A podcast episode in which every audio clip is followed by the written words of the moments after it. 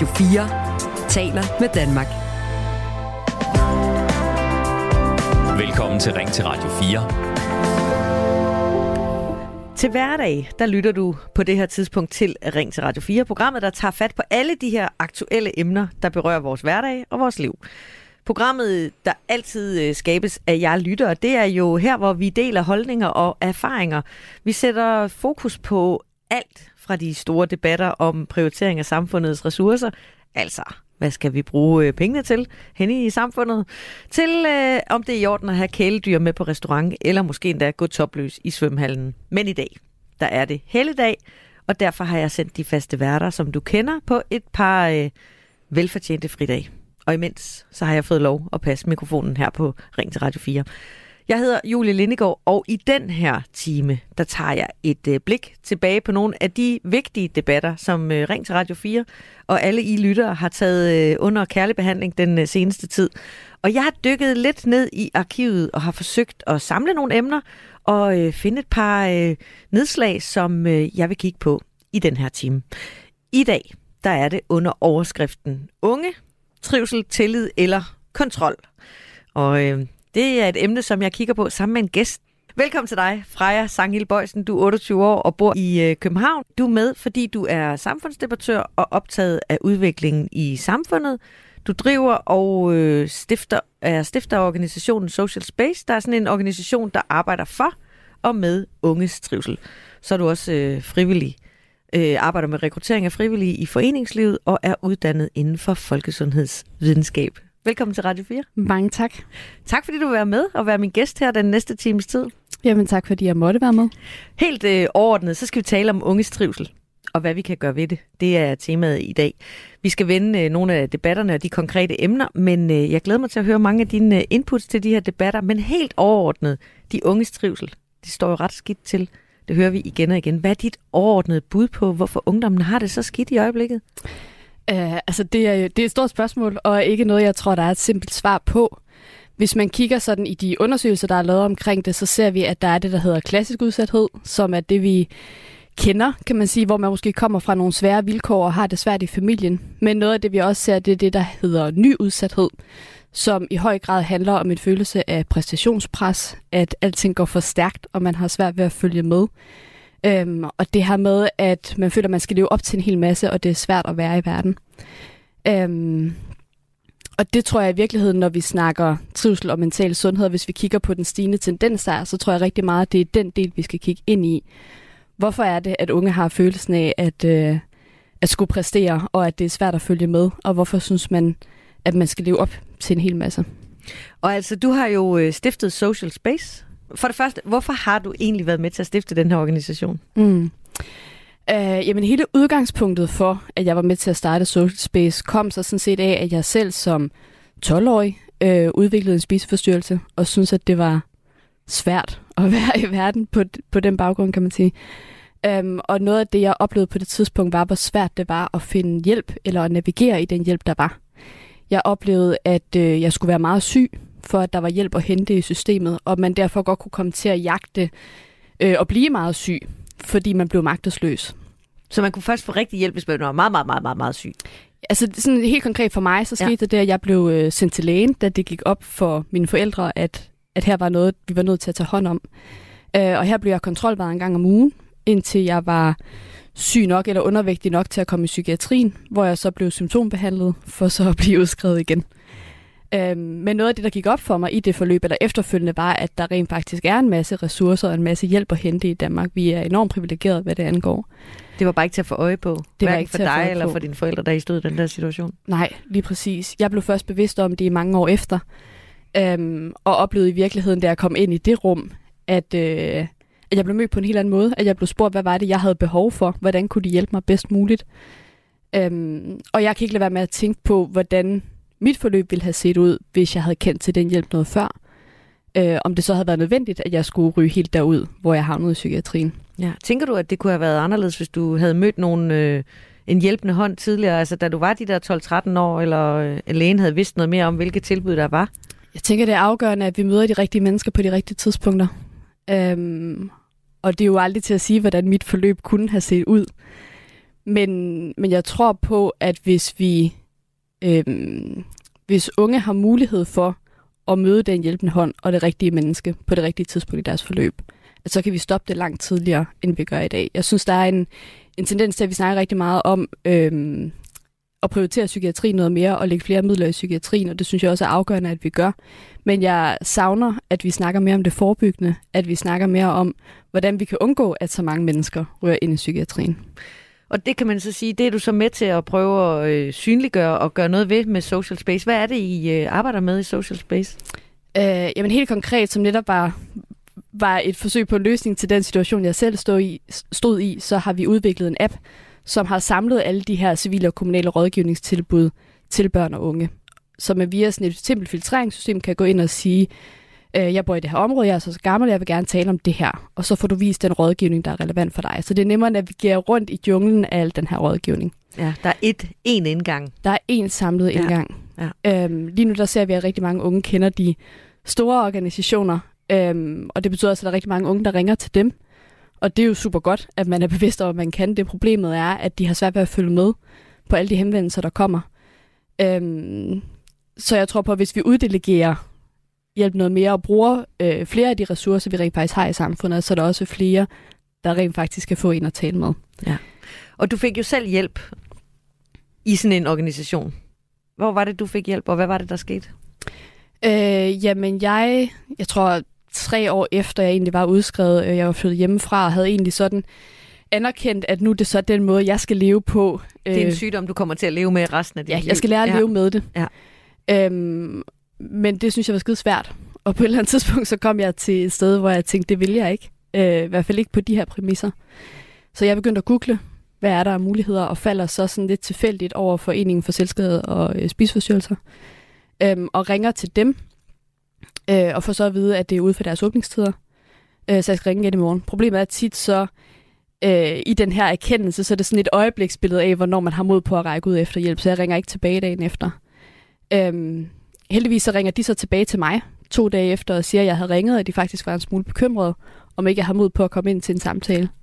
Og så gjorde jeg det, og så startede jeg i et halvt års forløb derinde, hvor jeg fik en mentor tilknyttet, som jeg kunne snakke med om, hvordan er det at være ung uden en spiseforstyrrelse, fordi nu havde jeg jo haft en hel ungdom øh, med sygdom, og jeg havde i virkeligheden svært ved at finde ud af, hvad er sygdom, og hvad er bare en del af at være ung, øh, og hvordan kan jeg lære at være i verden uden en spiseforstyrrelse. Og i dag går det godt. Ja, det går det rigtig godt. I dag går det så godt, at du både har uddannet dig inden for folkesundhedsvidenskab og øh, været med til at stifte den her organisation. Hvad håber du, at øh, organisationen får øh, held med at løse? Øh, man kan sige, at der er selvfølgelig sådan den helt fundamentale problemstilling, som var den, jeg startede organisationen med udgangspunkt i. Men noget af det, jeg er blevet opmærksom på, øh, både for mig selv og hos alle de mennesker, som bruger en masse timer på at få den her organisation til at lykkes, det er i virkeligheden også det her med at skabe et, øh, et rum til det hele menneske. Altså jeg tror, vi er en generation, som på mange måder er opvokset med at sætte ord på vores følelser og mærke efter og, og være i vores følelser. Men jeg tror også, at vi er mange, som står med følelsen af, at vi ikke rigtig ved, hvad vi skal gøre med det.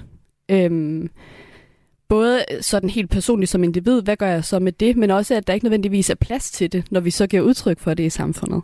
Så noget af det, jeg håber på, at vi kan være med til med den her organisation, det er at give nogle værktøjer til, hvad man kan gøre med det, man oplever. Øhm, men også skabe sådan på samfundsplan et rum for at give større plads til de forskelligheder, der er inden for mental sundhed. Øh, og sådan en accept af, at nogle gange er vi sindssygt stærke, ressourcefulde unge mennesker, og nogle dage så synes vi, det er en lille smule svært og har lidt svært ved, hvordan vi skal navigere rundt i livet, og det er okay. Øhm, det er ikke noget, vi behøver at jagte en diagnose for at finde ud af, hvad vi gør med det. Det er bare noget, der er. Ja, og den der øh, tillid til, at det, det er sådan, det også er at være menneske. Man kan både have gode dage og ikke så gode dage. Ja, jeg synes lidt, der kommer sådan en tendens, at enten så har man god mental sundhed eller dårlig mental sundhed, men jeg synes, det er meget mere nuanceret end det. Øh, jeg har dage, hvor jeg har sindssygt god mental sundhed, og så har jeg dage, hvor at jeg sikkert vil blive kategoriseret med rigtig dårlig mental sundhed, fordi jeg ikke ved, hvordan jeg kommer videre lige den dag. Men det kan være, at billedet ser fuldstændig anderledes ud den næste dag, og det tror jeg i virkeligheden er gældende for os alle sammen, at livet går op og ned. Og en øh, stor del af jeres arbejde i organisationen er jo også, at unge taler med andre unge, og at I også på den måde prøver at, at, at skabe et nemmere spejl. Det handler ikke kun om, at de voksne skal, og systemet skal kende øh, til, øh, til de unges udfordringer. Hvordan arbejder I med, med, med ung til ung, eller med den dialog imellem de unge? Altså man kan sige, at vi rådgiver jo ikke unge øh, som en selvstændig enhed, men noget af det, der gik op for mig, da jeg startede, det var, det var at jeg startede med at ringe til en masse øh, fagpersoner inden for det her område. Jeg ringede til alle de her rådgivningstilbud og spurgte, hvad er det, I har brug for? Der var rigtig mange holdninger til, hvad det her skulle være fra alle de voksne. Øhm, og så gik det op for mig, at det er slet ikke deres problem, vi prøver at løse. Så vi har stiftet et ungepanel med, jeg tror vi er 15-20 unge nu, som kommer ind en gang imellem og fortæller os, hvad det er, de har brug for, og som hjælper os i udvikling af, hvordan det er, vi skal kommunikere, hvad det er for nogle ting, der mere skal være på appen, for at den kan understøtte dem endnu bedre.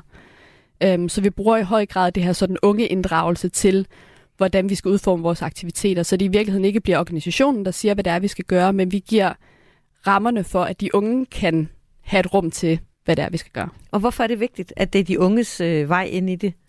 Altså, der er jo sådan et øhm, populært begreb, der hedder empowerment, som jeg selv er en lille smule træt af at høre på, for det bliver også sådan et øh, social wash-ord. Øhm, men det handler om at give unge en følelse af, at de faktisk selv har værktøjerne til at, øh, at håndtere de udfordringer, de møder i livet. Øhm, noget af det, som man kan se i forskningen, at man som ung kan være en lille smule træt af, er, at alle de voksne skal fortælle en, hvad det er, man skal gøre, og at man altid skal gå til en voksen for at få hjælp. Så vi vil gerne give unge deres eget værktøj til, hvordan de kan arbejde med deres mentale sundhed og trivsel. Ja, og derfor involverer I dem undervejs. Ja. Og det er unge, som også har forskellige øh, udfordringer, som I kan spørge til råd. Så det er ikke kun er dem med i god trivsel, som I har involveret, ikke? Det er en blanding. Jo, det er en blanding, øh, og faktisk så har vi jo fået størst henvendelser fra dem, der på en eller anden måde har oplevet noget selv, eller har en, en diagnose, men det er vigtigt for os også at få nogen med, som ligger på forskellige grader af spektraet, øhm, så vi også giver plads til dem, der ikke nødvendigvis har en diagnose, men som nogle gange bare synes, det er svært. Så vi ligesom får det brede spektrum med. Så det også kan være en følelse af ensomhed, eller at det er et fællesskab, man savner, det kan I også pege på i, øh, igennem de tilbud, I synliggør. Præcis. Ja. Freja, vi øh, har jo rigtig mange ting, vi skal øh, snakke om her den næste times tid, og øh, jeg synes, vi skal øh, kaste os over det. Radio 4 taler med Danmark. Det her er helligdagsudgaven af Ring til Radio 4, og jeg hedder Julia Lindegård, og med mig den her øh, time har jeg samfundsdebattør Freja Sangil Bøjsen, som øh, også skal være med til at kigge på nogle af de her emner. Det første helt konkrete emne, som jeg har fundet fra øh, tidligere Ring til Radio 4 udsendelser, som øh, måske godt lige kan bruge en øh, runde mere. Over halvdelen af de 11-19-årige drenge, de mødes ikke med deres venner i løbet af ugen. Det viser Vives rapport, der hedder Børn og Unge i Danmark. Den udkom øh, for nylig og øh, gør det muligt at følge udviklingen i børns og unges trivsel helt tilbage fra 2009.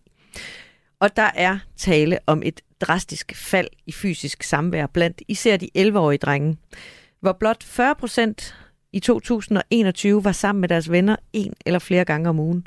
I 2009 der var der altså 72 procent. Der var altså langt flere, der så andre 11-årige drenge. Meget tyder på, at socialt samvær er rykket fra stuen eller fra værelset til skærmen. Selvom de fleste unge danskere stadig er sammen med deres venner, så er de det både fysisk og online.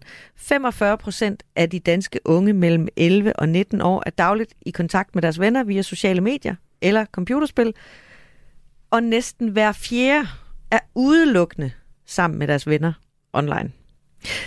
En af dem, der er kritisk over for børns forbrug af skærme, det er øh, Imran Rashid. Han er speciallæge i almen medicin, ekspert i digital sundhed, og så er han forfatter til flere bøger om øh, digital adfærd. Og øh, vi skal lige høre, hvad han øh, sagde til øh, Ring til Radio 4, da han var øh, med. Aller vigtigste forudsætning for, øh, at mennesker trives, det er andre mennesker, og det er især øh, dybe og nære relationer til de andre mennesker, Øh, og der kan man sige, at der er jo enormt mange forudsætninger, der skal være på plads, før at mennesker kan udvikle nære og dybe relationer. Og noget af det handler jo om, at man er sammen i det fysiske rum, at man er til stede, altså når, at man er der, når man er der. Øh, og de sociale kompetencer, øh, de er jo øh, ikke bare noget, man øh, man har fra starten af. Det er noget, der udvikles øh, i samspillet og samværet med andre mennesker. Og jeg tror, den allervigtigste forudsætning for, om en øh, relation er nær og dyb, det er om, hvorvidt man kan mærke den, altså om den påvirker en følelsesmæssigt. Så det her med, at vi udvikler evner til at være sammen via digitale medier, det gør jo et eller andet sted, at den følelsesmæssige påvirkning af relationerne, de bliver øh, ikke bare udtyndet, men de forsvinder måske, fordi du registrerer relationer mere, end at du mærker dem. Og det er den bekymring, øh, jeg i hvert fald har fået gennem tiden, når jeg prøver at sådan, finde forklaringer på, hvorfor at mennesker de mistrives i så stor en grad, som de gør i dag. Ja, det er altså Imran Rashids øh, bud på, hvad der, er, der går galt fra jer. Hvad tænker du om det, øh, Imran han siger her? Øh, altså jeg tænker først og fremmest, at Imran har fuldstændig ret i, at de nære relationer er enormt vigtige, øh, og at de udvikles gennem den, det fysiske samvær. Øh, og at det er enormt essentielt, at vi lærer, hvordan vi skal være sammen fysisk. Øh, fordi vi jo oplever hinanden på en anden måde, når vi kan spejle os i hinanden, og når, når kropsproget er med.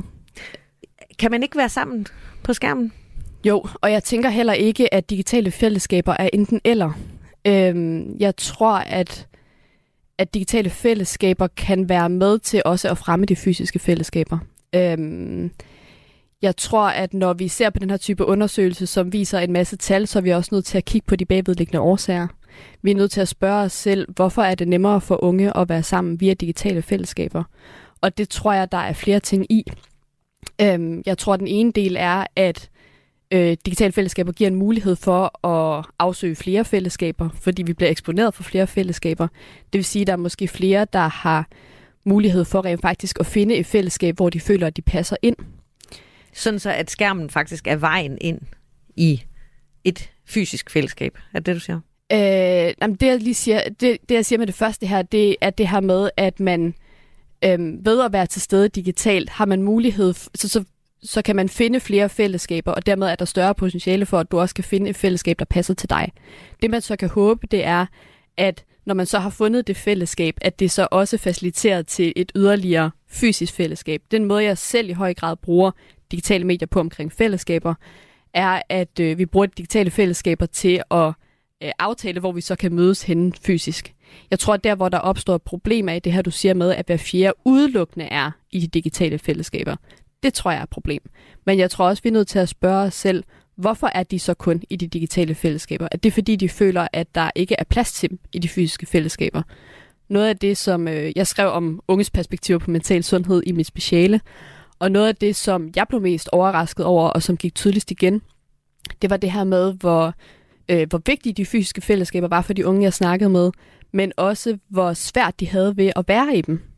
Øhm, det, der, det blev sådan beskrevet som en maske, man skulle tage på, når man var i fællesskaberne, og der så var det her maskefald, når man kom hjem, øh, hvor man i virkeligheden har svært ved at navigere i de her fysiske fællesskaber. Og, og det, er jo, øh, det, er jo de, det er jo de unge, vi, vi taler om her, men er det simpelthen fordi, man, er, man ikke har lært det fra, man var mindre? Altså har skærmen, er det skærmens skyld? Mm, jeg tror, det kan være to dele. Jeg tror sagtens, det kan være det her med, som Imrat, Imran øh, lægger fokus på, at man ikke har, har lært at udvikle de her sociale kompetencer, og derfor synes det er svært at indgå i. Øhm, men jeg tror også en del af det er den måde, vi har fællesskaber på i dag. Noget af det, vi ser, det er, at hele det her sådan, samfundsmæssige præstationspres, øhm, det siver med ud i fritidslivet og med ud i fællesskaberne. Så jeg tror måske også, at vi har nogle fællesskaber, hvor der også er en høj grad af præstationspres, hvor man også føler, at man skal præstere. Så jeg tror, at vi er nødt til at kigge på, hvordan kan vi også skabe nogle rum og nogle fællesskaber, hvor der er plads til os som hele mennesker, øhm, og hvor vi ikke føler, at vi skal tage maske på, når vi indgår i dem. Et af de fællesskaber, som øh, Imran Rashid han mener, at øh, han er faktisk, øh, han mener faktisk nærmest, at alle børn bør gå til spejder. Det er jo fordi, at øh, nu har jeg jo selv set øh, øh, på egen krop, øh, hvad øh, foreningslivet i Danmark kan gøre, øh, hvor jeg gik til kampsport, der var barn, og der oplevede jeg jo i den grad de her nærende fællesskaber, som virkelig, virkelig er med til at stimulere øh, børn på en måde, som øh, hjælper dem hele livet igennem. Og det kan jeg jo bare se på alle de øh, unge, som jeg, øh, alle de, øh, som jeg dyrkede kampsport sammen med dengang. Altså, vi har mere eller mindre alle sammen klaret os godt senere hen i livet, selvom vi mange af os kom fra nogle af de øh, mere belastede boligområder i, i København. Og det vil jeg jo helt klart tilskrive den følelse, man oplevede der, da det var, at man var en del af et fællesskab, øh, som øh, handlede om, hvad man kunne mere end om, hvad man var, og øh, den også handlede om, øh, at man var sammen med andre. Altså, det var ikke individet, men det var fællesskabet. Og noget af det, som jeg så senere har fundet ud af, der virkelig kan øh, øh aktivere de her nærende fællesskaber, men det er jo spejderbevægelsen. Det er det der med, at du simpelthen har sat i system, at du skal være noget sammen med andre, du får naturoplevelser, du får fællesskaber, du får også den her naturlige respekt ved, at der er en, der har noget, der, der kan noget mere.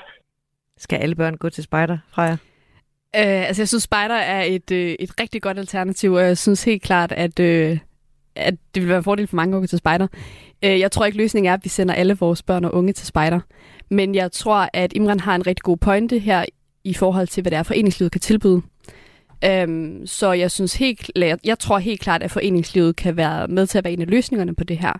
Men så tror jeg netop også, at vi er nødt til at kigge på, hvordan vi tager noget af alt det her præstationspres ud af foreningslivet. Øh, nu arbejder jeg jo selv også i foreningslivet ved siden af den organisation, jeg har stiftet. Øh, noget så populært som fodbold hvor der jo sådan historisk set har været stort fokus på eliten og på præstationer. Og på det starter meget på. tidligt. Ikke? Udskillelsesløbet starter, når de er 6, 7, 8 år. De bedste de bliver sat på førsteholdet. Og det, øh, ja. Præcis. Og jeg ja. også selv, jeg har selv spillet elitefodbold, så, yes. så kender jeg jo helt klart elitetiden af fodbolden. Øh, og der er noget af det, der sådan er min agenda ind i det, når vi også snakker om at få flere piger og kvinder ind i fodbolden, det er, hvordan kan vi også gøre fodbold til noget, der er for flere. Der skal selvfølgelig være plads til eliten, der skal være plads til at gøre sig dygtig og spille elitefodbold. Men hvad med alle dem, som også gerne bare vil spille fodbold for at være en del af fællesskabet, som Imrat netop siger, siger. Og det tror jeg er noget af det, vi sådan generelt set skal have fokus på i foreningslivet. Hvordan kan vi skabe et foreningsliv, hvor det er fællesskabet, der er i fokus. Og netop det her, han siger med at være noget for andre, det tror jeg er enormt essentielt når Men vi er, det ikke, er der ikke altid en gruppe af, af børn, der ikke har lyst til hverken at gå til fodbold eller til spejder, hvor man tænker, det vil nærmest være tortur at sende dem øh, ud efter en bold eller ud i naturen? Oh, det synes jeg faktisk er enormt svært at svare på. Øhm, man ser jo netop med hele det her e-sport og online gaming, at det faktisk også kan være med til at styrke nogle ting hos de unge. Øh, det kan være med til at fremme læring, fordi man lærer på en anden måde. Det kan være med til at give de fællesskaber, man ikke synes, man har nogle andre steder. Men så tror jeg bare, det er vigtigt at have fokus på, hvordan vi også kan rykke fællesskabet fra skærmene og ud i det fysiske. Jeg kan huske, da jeg var barn, så øh, jeg har en masse brødre, øhm, og de spillede rigtig meget computer, men de mødtes til LAN-parties, så de, de spillede sammen, men i det fysiske rum. Og jeg tror også, at hvis man spørger en 11-årig, der møder sin, øh, der spiller øh, om eftermiddagen efter skole, han, at han vil sige, jamen altså, jeg har masser af venner. Du kan bare ikke se dem, fordi de, får, de er et andet sted. Øh, så, øh, så, så kan man bare sådan helt præcis sige, det er, det er ikke godt, at det hver fjerde ikke øh, møder sine venner i virkeligheden. Det kan være, de møder dem. De har masser af kontakt øh, online eller på øh, sociale medier. Øhm, jamen igen, jeg tror ikke, vi skal tage noget fra de online fællesskaber. Øh, og netop fordi de er usynlige, så bliver de måske også negligeret. Men, men jeg tror, vi er nødt til også at kigge på, hvordan vi også kan indgå i de fysiske fællesskaber. Netop som Imran peger på, så er det her, vi udvikler vores sociale kompetencer. Det er her, vi kan spejle os i hinanden. Og, og jeg tror bare, der, der er noget i den der menneskelige interaktion, som er enormt vigtig for vores trivsel. Ja, du lytter til Helligdagsudgaven af Ring til Radio 4, hvor vi øh, kigger lidt tilbage på nogle af de store debatter, vi har haft. Og med mig i øh, den her time, der har jeg Freja Sangil Bøjsen, der er samfundsdebattør og stifter af organisationen Social Space. Vi taler om de unges trivsel og online skærmtiden, fordi en ny undersøgelse viser, at over halvdelen af de 11-19-årige drenge faktisk ikke mødes med deres venner i løbet af ugen. Men det er ikke udelukkende dårligt for børn at bruge øh, tid online. Sådan siger Andreas øh, Liberoth, fra, som er lektor for Danmarks Institut for Pædagogik og Uddannelse ved Aarhus Universitet. Han var øh, med i en øh, udgave Ring til Radio 4, og øh, Freja, du skal lige høre her, hvad han øh, sagde i programmet, da han blev spurgt af vært Marie Kvartrup, hvorfor han ikke er bekymret for de her unge? Nej, altså hvis, hvis vi kigger på den statistiske evidens, og det synes jeg jo som forsker, vi skal, så er der faktisk så er det fuldstændig rigtigt, at på det samme tidspunkt, eller de, de samme perioder, så er der kommet mange flere skærme og mange flere af de her always on, always on new teknologier, samtidig med, at trivselen den, den er dalet. Mm. Men på den anden side, så når vi, hvis vi begynder at se på sammenhængen mellem de to ting rent statistisk, så er der faktisk ikke nogen særlig stor sammenhæng mellem, hvor meget tid du bruger online. Hvis vi bare sådan regner, regner i ren tid, og hvor meget øh, og hvordan du trives. Altså fordi langt de fleste med hvad hedder det, børn og unge, så er der faktisk det, vi vil kalde et guldlokpunkt, hvor hvis du er noget sammen online, altså hvis du er sådan øh, sammen med dine venner på det samme niveau som de fleste andre på din egen alder, så måske er sådan nogle timer om dagen, som går med det, så trives du hvad hedder det, optimalt, og hvis du er meget mindre online, og derfor meget mindre med, eller hvis du er meget mere online, og derfor måske afskåret fra nogle andre ting i dit liv, som kunne være godt, så begynder trivselen at være forbundet med, med din skærmtid. Men for langt de fleste, så er det sådan en illusorisk korrelation, hvor vi tror, at det skyldes noget, som, øh, som vi ser samtidig. Men de to ting er ikke nødvendigvis i en, i en kausal relation. Altså det er ikke nødvendigvis sådan, at skærme fører til dårligere trivsel eller, eller omvendt. Freja, altså øh, han siger jo nærmest, at vi kan sætte det sammen skærme og dårlig trivsel. Hvad tænker du om det? Jeg er fuldstændig enig. Øh, altså, jeg har kigget en del ind i det her forskning også, der er omkring skærmtid og unges trivsel. Og jeg synes, det er enormt rart, når det bliver en lille smule mere nuanceret til ikke at være enten eller. Freja, vi når øh, ikke mere lige nu, for vi skal øh, snakke videre om lidt, men først så skal vi lige have en omgang nyheder, og de kommer her. Radio 4 taler med Danmark. Du lytter til Ring til Radio 4. Ja, det gør du. Altså i hvert fald i en helligdags udgave. For normalt er det jo et program, der tager fat i aktuelle emner, der berører vores hverdag og vores liv, og det skabes af jer lyttere, der deler holdninger og erfaringer. Og øh, vi debatterer jo stort og småt i Ring til Radio 4. Hvad bruger vi pengene på? Er det i orden at have kæledyrene med på restauranten, eller må man gå topløs i øh, svømmehallen? Men i dag, der er det helligdag, og derfor får du en særlig udgave af Ring til Radio 4.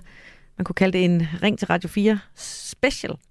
Jeg hedder Julie Lindegård, og jeg har dykket ned i arkivet og fundet nogle emner, der stadig er aktuelle, og dem vender jeg med min gæst, som er med i den her time. Det er dig, Freja Sangil Bøjsen. Du er 28 år, bor i København og øh, er samfundsdebattør, optaget af ja, vores samfund, og så øh, driver du og er stifter af den organisation, der hedder Social Space. Så øh, det er rigtig dejligt, du vil være her. Tak fordi jeg måtte. Emnet i den her udgave af Ring til Radio 4 er jo de unges trivsel, og øh, vi skal nu tale om unge og alkohol. Danske unge har Europamesterskab i druk. Det er en kedelig førsteplads, og den har vi altså haft siden 1995. Målt på fuldskab og mængden af alkohol, der bliver drukket, så har de øh, danske unge det højeste forbrug af alkohol sammenlignet med unge i andre europæiske lande. Freja, kan du genkende det her billede af en øh, flot, men lidt trist europamesterplads i druk? Øh, jamen, jeg hører jo godt, at det er det, vi har. Og man kan sige, at det kan være svært, at man kan genkende det, når ikke man har så meget at sammenligne med. Jeg har jo kun været barn og ung i Danmark, og der kender alkoholkulturen. Jeg tror ikke, der er nogen tvivl om, at vi har en, øh, en alkoholkultur i Danmark, der er lidt over gevind. Hvordan har du selv oplevet det? Øhm, jamen, jeg tror egentlig ikke, jeg sådan har oplevet det personligt i så udbredt grad. Jeg var elitesportsudøver som ung, så jeg havde altid den der med, at jeg skulle op og spille kamp dagen efter. Og det oplevede jeg egentlig sådan en rimelig stor accept af, for det var det, jeg gjorde. Øh, så på den måde har jeg måske ikke oplevet det på så nært hold, men jeg snakker jo med rigtig mange andre, som synes, det kan være svært det her med at få lov til også at være øh, en del af noget uden alkohol. Ja, hvis man er... Øh 22 år eller 18 år og ikke har lyst til at drikke alkohol, så øh, kan man opleve det svært at være en del af fællesskabet. Ja, det synes jeg, jeg hører rigtig mange steder. Ja. Har du oplevet det her øh, altså nærmest døds, dødsdruk, da du øh, gik i øh, gymnasiet? Øh, igen, jeg havde fodbold at vende tilbage til, så jeg oplevede det måske ikke super meget i gymnasiet, men øh, særligt i forbindelse med sådan vores instruktur og vores opstart, er der ingen tvivl om, at der var rigtig meget alkohol involveret, øh, og ligeledes på, på studiet, der jeg læste videre. Det skal vi snakke nemlig meget mere om nu, fordi et af de emner, der er blevet diskuteret i Ring til Radio 4, har været alkohol til festerne på ungdomsuddannelserne. Som øh, i dag er der jo alkohol til ungdoms, øh, på ungdomsuddannelsernes øh, fester.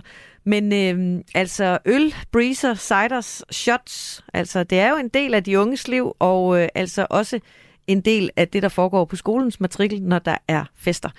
For øh, det er jo kutume, at man øh, især ved skolestart, som du også nævner fra jer på øh, ungdomsuddannelserne, holder fester, hvor de unge kan drikke alkohol. Men det er en dårlig tradition, det mener Sundhedsstyrelsen. For det er øh, særligt, når de øh, unge går fra folkeskolen og over til ungdomsuddannelserne, at de begynder at drikke alkohol. For nylig foreslog øh, Sundhedsstyrelsen, at alle unge under 18 ikke bør drikke alkohol. Og står det til Sundhedsstyrelsen, så skal øh, ungdomsuddannelserne faktisk slukke for øl og alkoholhanerne, især lige når de starter på ungdomsuddannelsen efter sommerferien, og i hvert fald Deres anbefaling er i hvert fald frem til efterårsferien. Så øh, fra jeg skal fester på gymnasier, erhvervsskoler og ungdomsuddannelser sådan generelt være uden alkohol? Altså jeg synes jo netop, når vi snakker en kulturændring omkring vores alkoholforbrug, at det giver god mening, at de offentlige institutioner er med til at sende en signalværdi om, at det ikke er noget, vi øh, faciliterer som samfund, kan man sige, kvad det er en offentlig institution. Jeg tror, noget af det, man skal være opmærksom på, hvis man gør det, det er, hvor er det så, de unge går hen? Fordi lige nu er det stadigvæk en del af vores kultur, og noget af det, jeg hører fra mange unge, når det er det her tema, der kommer op, det er, jamen så gør vi det jo bare et andet sted. Øh, og at det så bliver i nogle mere ukontrollerede rammer, hvor der ikke er nogen voksne til at gribe ind, hvis man er for fuld eller får det dårligt. Du skal lige høre, Sundhedsstyrelsen sendte nemlig sidste år et brev til alle øh, rektorer på de danske gymnasier, og Ole Heiner, han er formær, formand for Danske Erhvervsskoler og Gymnasier, og øh, han sagde til øh, Ring til Radio 4, hvorfor han øh, bakkede op om det her initiativ. Du skal lige høre her, hvad han øh, siger. Jamen det mener vi, fordi at øh, som, som også øh, den faktor, der har været lagt på bordet, det er jo, at Danmarks, øh, vi er Danmarks mester og europamester i, øh, i, i druk blandt nogle mennesker. Vi starter tidligt. Øh, vi drikker øh, meget mere end alle andre. Øh, og det har nogle konsekvenser. Og det er jo ikke bare fordi, der er nogen, der måske øh, på, med tid kan udvikle misbrug. Det har konsekvenser også fordi indlæring. Det har konsekvenser for, at man måske øh, udsætter sig selv eller andre for ubehagelige oplevelser, der måske ikke vil være ikke må påvirke alkohol. Og, og det vi også oplever, det er, at hvis der er en stærk alkoholkultur, så er der måske nogle få, der trækker nogle helt øh, masse med, og så er der nogen, der også står udenfor. Så det der med i virkeligheden at sige, øh, der skal faktisk være plads til alle, og ikke kun til dem, der har lyst til at drikke øh, de her 10 shots, vi lige hørte om før. Så for os at se, så er det sådan et, et, et længerevarende kulturforandringsprojekt. Det her med at få en, en mere normal tilgang til alkohol, som man måske udvikler, når man er voksen, øh, at det vi skal starte med øh, på ungdomsuddannelserne, hvor man ligesom starter for alvor med at drikke. Men jeg kunne forestille mig, at det her det øh, kan blive ret svært at, øh, at implementere. Der er jo også øh, hele det aspekt med, at de unge mennesker kan jo holde en privat fest, før de kommer til en fest på en skole. Øh, så kan de være fulde, når de møder op i døren hos jer. Der er også et andet argument, som vi allerede har hørt fra øh, danske gymnasieelevers sammenslutning. Det kan være endnu mere utrygt at, øh, at begynde at drikke alkohol, hvis ikke at der er en voksen, for eksempel til en gymnasiefest. Forstår du den kritik? Ja, det forstår jeg godt. Det er også derfor noget af det, vi vil lægge vægt på, det er dialogen. Både med eleverne, men sådan set også med forældrene. Fordi det, vi oplever tit det der med, at forældrene ligesom slipper elever. Nu starter de i gymnasiet, der er nogle lærere på. I folkeskolen drikker man ikke rigtigt, eller der har man forældremøde, hvor man aftaler nogle fælles spilregler. Og så bliver man ligesom slået løs, når man starter på gymnasiet. Øh, så derfor, i forhold til de her forfester, hvor der bliver drukket rigtig meget, der er det jo også forældrenes ansvar at sørge for at være til stede, sørge for at få sat nogle rammer for, hvor meget man drikker osv. Øh, sådan, så man både kan drikke før gymnasiet under trygge rammer, og så selvfølgelig også, når der er mulighed for de her arrangementer med alkohol på skolen under trygge rammer. Så det er jo ikke, fordi vi går ud og siger, at øh, nu må ingen drikke øh, overhovedet. Øh, der er vi ikke nået til endnu. Men, øh, men jeg har lidt svært ved at forstå argumentet med, at, at der skal være fri fest og lavet på gymnasierne, fordi ellers skulle man andre steder hen og drikker. Ja, Ole han synes altså, øh, Ole Heiner er her formand for Danske Erhvervsskoler og Gymnasier, han er sådan set enig med Sundhedsstyrelsen, at der skal begrænses, og, øh, og han, han, han køber ikke rigtig argumentet med, at de bare går et andet sted hen. Altså Freja, øh, det her med, at det er også forældrenes ansvar, når der er en forfest. Kan forældrene overhovedet øh, gøre noget i den her sammenhæng, når børnene og unge er startet på øh, ungdomsuddannelsen? De er jo sådan noget 15-16 år. Uh, altså, selvfølgelig har forældrene et ansvar, Øhm, og jeg synes også, vi skal passe på med at fratage forældrene det ansvar, de har for deres egne børn og unge. Jeg, jeg tror umiddelbart, det er en lille smule utopisk at sige, jamen så er det bare forældrene, der skal, der skal styre forfesterne. Jeg tror ikke, det er sådan, det bliver i praktisk. praksis. Jeg tror, at øh, når vi snakker kulturændringer, så er vi også nødt til at kigge på, øh, nogle de unge kan spejle sig i. Øhm, noget af det, som når jeg har snakket med unge om, omkring det her med, med forbud af alkohol på ungdomsuddannelserne, det er, jamen, kunne man ikke skabe et rum, hvor der er plads til begge dele? Altså netop som der også bliver påpeget her i interviewet, så, øh, så er der nogen, der føler sig ekskluderet, når det hele kommer til at handle om alkohol.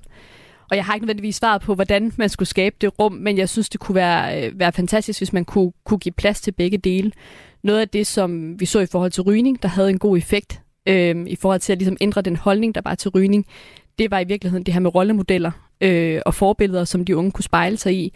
Jamen kunne man få nogle af de her, nu bruger vi så meget influencer, kunne man få dem ud på skolerne og holde oplæg om, øh, hvorvidt det også er okay ikke at drikke, og måske ændre hele den norm, der er omkring, øh, at det er sejt, eller man skal drikke for at være en del af, af fællesskabet.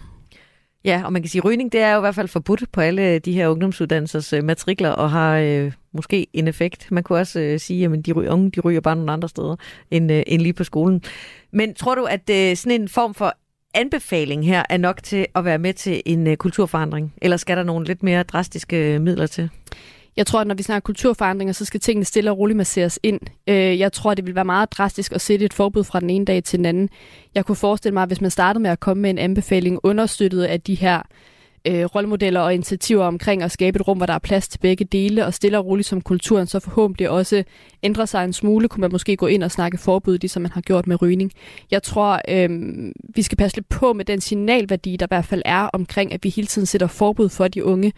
Jeg tror godt, man kan stå, det kan jeg i hvert fald selv stå med som ung, en følelse af, at... Øh, og det er egentlig tilbage til det her præstationspres, men vi skal, vi skal være nok på vores uddannelser, vi skal præstere godt, vi skal have de lange uddannelser, vi skal træne, vi skal være sunde, vi skal alt muligt andet, og det er jo også det, vi forsker i. Hvordan kan vi optimere os selv, både som individer og som samfund? Øh, og jeg kan i hvert fald godt nogle gange mærke sådan lidt en træthed, når der så hele tiden bliver lovgivet for, hvordan vi kan optimere de unge. Øhm, så det synes jeg også, der ligger noget signalværdi i. Så ingen forbud? Det er det, du siger? Ingen, lov, ingen lovmæssige forbud. Ikke som det første tiltag. Ja. Nils, som er en af vores øh, lyttere, han øh, er med i vores øh, lytterpanel. Han, øh, han har også en øh, holdning til det her med alkohol, og han øh, synes faktisk, det er helt fint. Prøv at høre, hvad han siger. Det er der jo mange grunde til. Altså, det er jo en del af vores kultur, kan man sige, helt tilbage vel fra vikingtiden, og, og, og måske også længe før det. Altså, vi har altid øh, drukket øh, noget og, og holdt fast og kommet i godt humør, som man siger, slå sig lidt løs og sådan noget. Og masser af mennesker er jo udmærket øh, i stand til at styre det, og kan sagtens finde ud af at drikke en 3-4 øl, og så, så, så har de det sjovt, og så bliver de hverken syge og dårlige af det. Men, øh, men der er bare nogle, det, det kan de altså ikke rigtig finde ud af. Og øh, det er selvfølgelig øh, forfærdeligt for dem, øh, hvis det så ender med, at man bliver afhængig af det, så man øh, nærmest næsten til sidst bliver alkoholiker. Men for de unge menneskers vedkommende, så synes jeg, man skal stille sig selv det der spørgsmål, hvorfor de gør det. Og i dag er der jo meget op at vende med hensyn til stress og pres, og øh, de skal være synlige på alle mulige medier, og, og man skal kunne alt muligt. Men der er meget mere mm, på, tror jeg, i dag, øh, sådan personligt, for at, slås, for at blive accepteret og for at, at blive set, end øh, vi måske var i øh, 60'erne og 70'erne, da jeg voksede op. Er det derfor, at de øh, unge de drikker sådan, fordi presset er så øh, hårdt, tror du?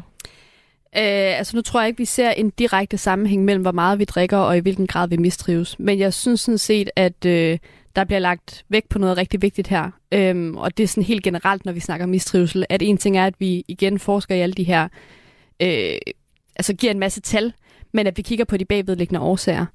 Øhm, jeg tror, for at vende tilbage til det, jeg sagde før med, at vi hele tiden oplever forbud for, at vi kan blive optimeret, så tror jeg noget af det, øhm, når man som ung har følelsen af, at man faktisk prøver at præstere og optimere på rigtig mange punkter, øh, så kan rum med alkohol være det sted, hvor man nogle gange kan have mulighed for at slippe tøjlerne lidt og, øh, og slappe af. Øhm, så jeg, jeg tror hurtigt, man kan stå med en følelse af, at nu har vi så heller ikke det rum mere. Og man kan sige, det er så måske ikke den bedste løsning.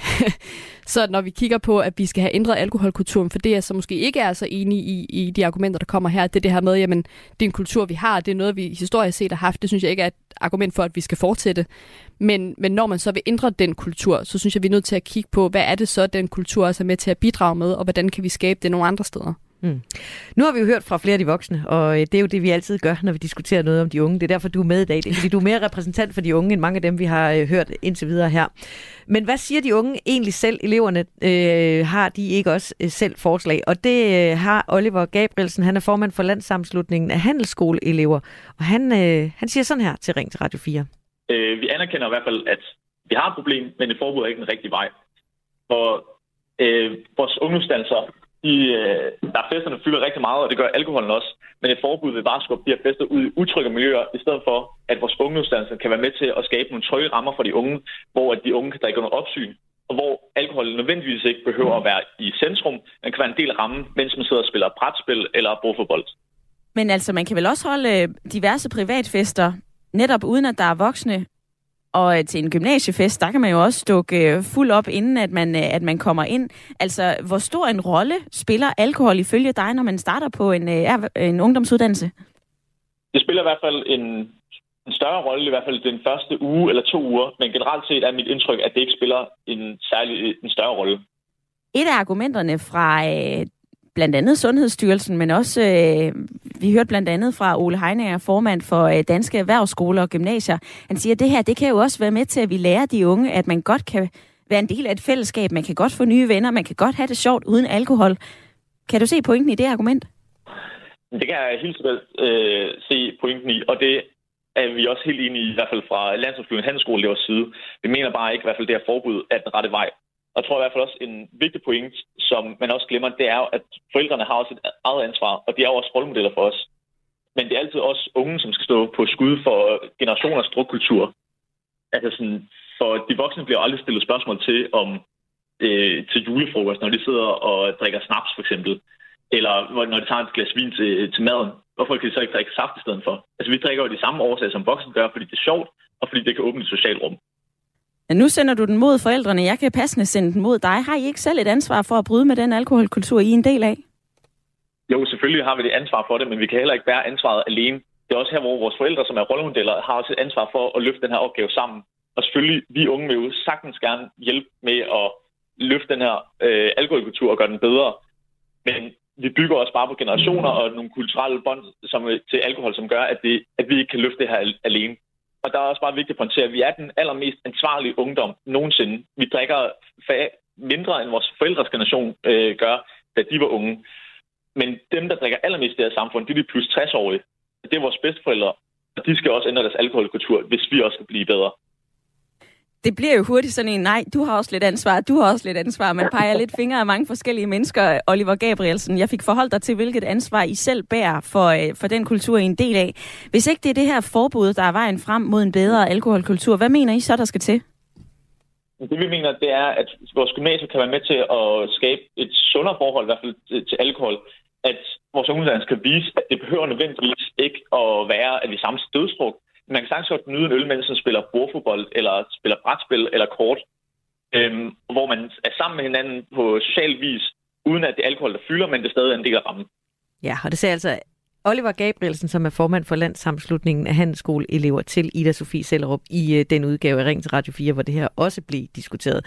Jeg har øh, Freja Sangil Bøjsen med mig her, og Freja, altså, Altså, er det, de, er det nu forældrenes ansvar, hvor meget øh, ungdommen drikker? Der bliver sagt mange øh, fede ting i det her interview, synes ja, jeg. Jeg har lyst til at hive mange ting af det. Øhm, jeg synes jo, Gabriel er inde på noget rigtigt i forhold til, øh, netop som jeg også nævnte før, med rollemodeller, og at det her er noget, der finder sted i flere lag, men det er altid ungdommen, der skal bøde for det. Jeg synes også, når der så bliver sagt, at øh, ungdommen jo selv skal gå ind og tage ansvar, men det giver man jo faktisk ikke ungdom mulighed for ved at give dem forbud, så er de jo ikke selv med til at tage ansvar for den kultur.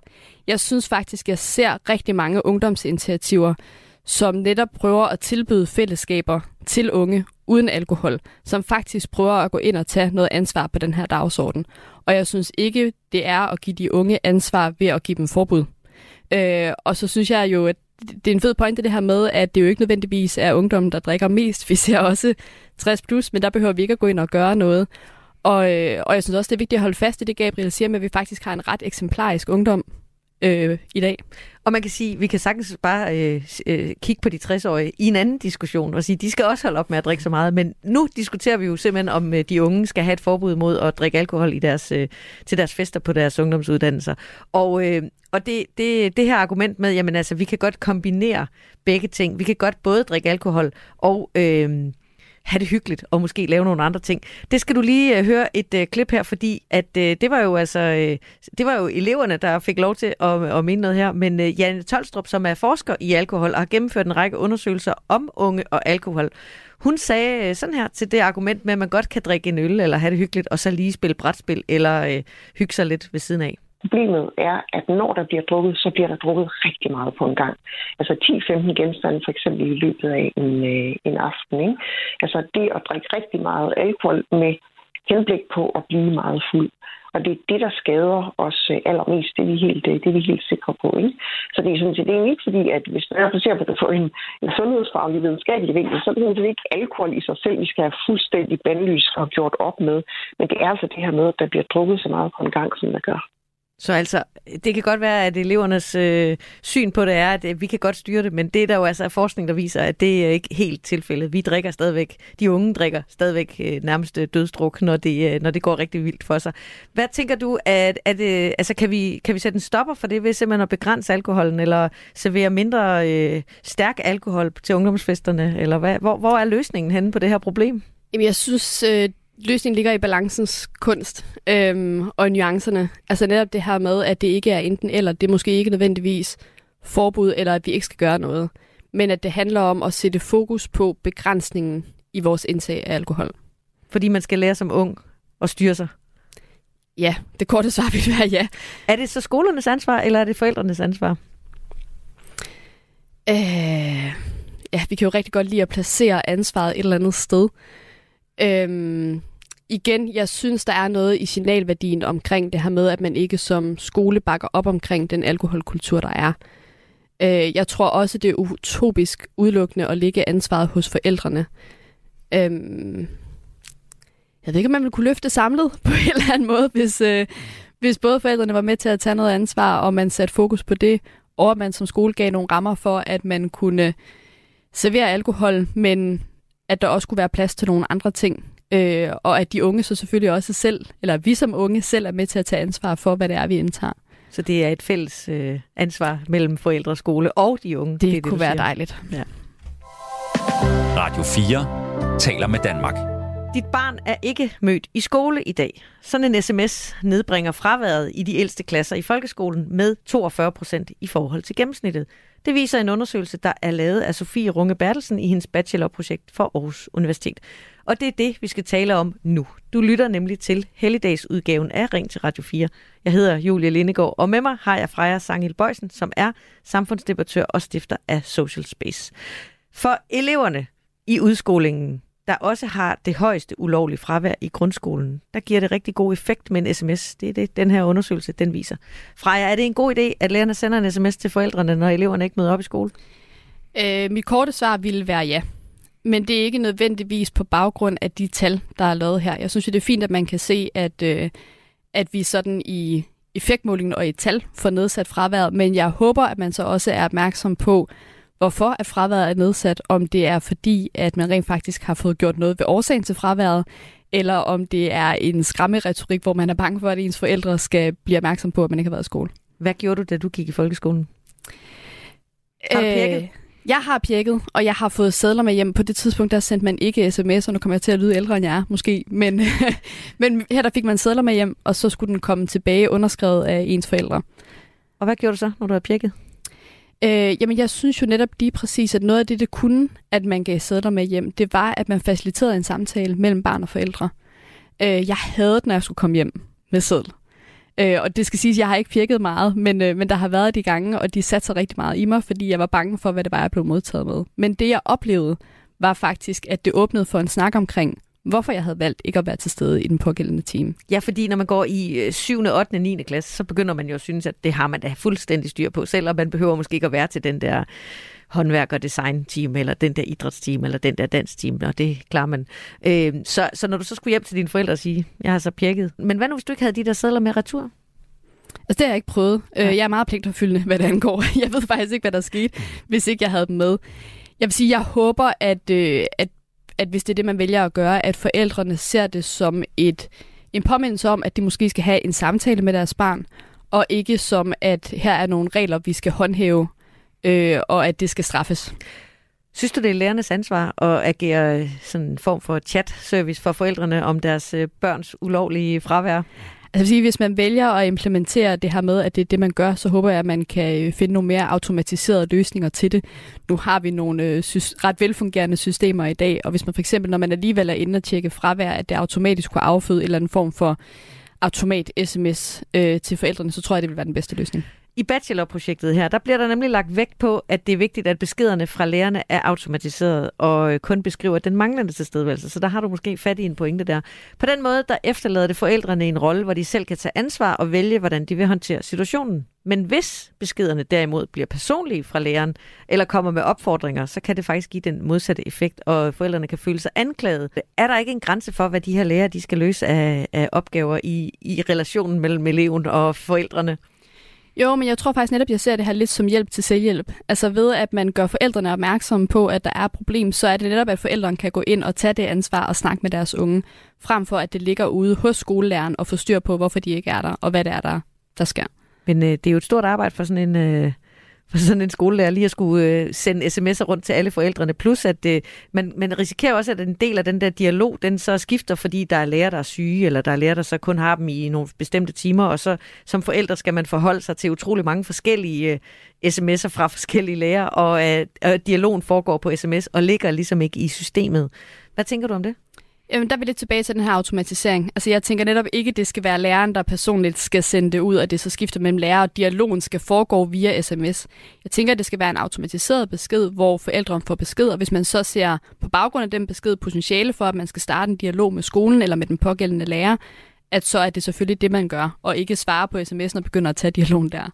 Marie Hermansen, hun er formand for Danske Skoleelever. Hun blev også spurgt om, hvad hun tænker om resultatet, og om hun øh, var overrasket, og hun har faktisk et bud på, hvad der virker endnu bedre. Ja, altså man kan sige, der er jo to problemstillinger i, i, i den her situation. For det første, så skal forældrene jo selvfølgelig have at vide, hvis ens barn ikke møder i skole. Og der kan det give super god mening, at man lige får sendt en sms afsted til forældrene. Men på den anden side, så er der jo også en elev, som der ikke er mødt op i skole, og det er der jo øh, oftest en grund til. Der er rigtig mange elever, der har en stigende mængde af ufrivilligt fravær, fordi de oplever, at skolens rammer ikke passer særlig godt til dem, eller at de ikke synes, det er meningsfyldt at møde op i skole. Og det er jo mega ærgerligt. Og der hører vi fra rigtig mange elever, at noget af det, der gør, at man bliver motiveret til at tage afsted i skole på dage, hvor man måske ellers havde overvejet at lade være, øh, det er, at der er en klassekammerat, der skriver og siger, hej, vi mangler dig faktisk heroppe i klassefællesskabet. Sådan så man føler, at man mangler et sted, og at der er nogen, der har lagt mærke til, om man er mødt op eller ikke er mødt op. Er det en god idé fra at involvere de andre elever i, øh, i en elevs øh, fravær? Mm, jeg tror, de umiddelbart har det svært ved at se for mig, hvordan det skulle se ud, hvis det ligesom var en eller anden form for regel, man nedsatte. Øhm, jeg synes, at det kunne være fantastisk, hvis man øh, mellem eleverne selv og, og i de her fællesskaber øh, udvikler en opmærksomhed på hinanden. Øhm, så, så, så det synes jeg, der vil være ønskværdigt og en opfordring til, at man er opmærksom på hinanden. Der er vi også lidt tilbage det her med fællesskaberne og styrke fællesskaberne. Ja. Freja, det var, øh, hvad vi kunne nå i den her udgave, særudgaven, en lille speciel udgave af Ring til Radio 4 i anledning af helligdagen. Freja Sangil Bøjsen, du har været øh, med i den her team. Det har været en fornøjelse at være sammen med dig. Så tusind tak, fordi du ville øh, dele dine holdninger med mig og alle lytterne. Det har været en fornøjelse at være med. Tak skal du have. Ring til Radio 4 er jo båret af lytternes holdninger og meninger, og du er altid velkommen til at skrive til os på ring til radio4.dk med emner og idéer, som øh, vi kan tage op. Jeg håber, du får en rigtig dejlig påske.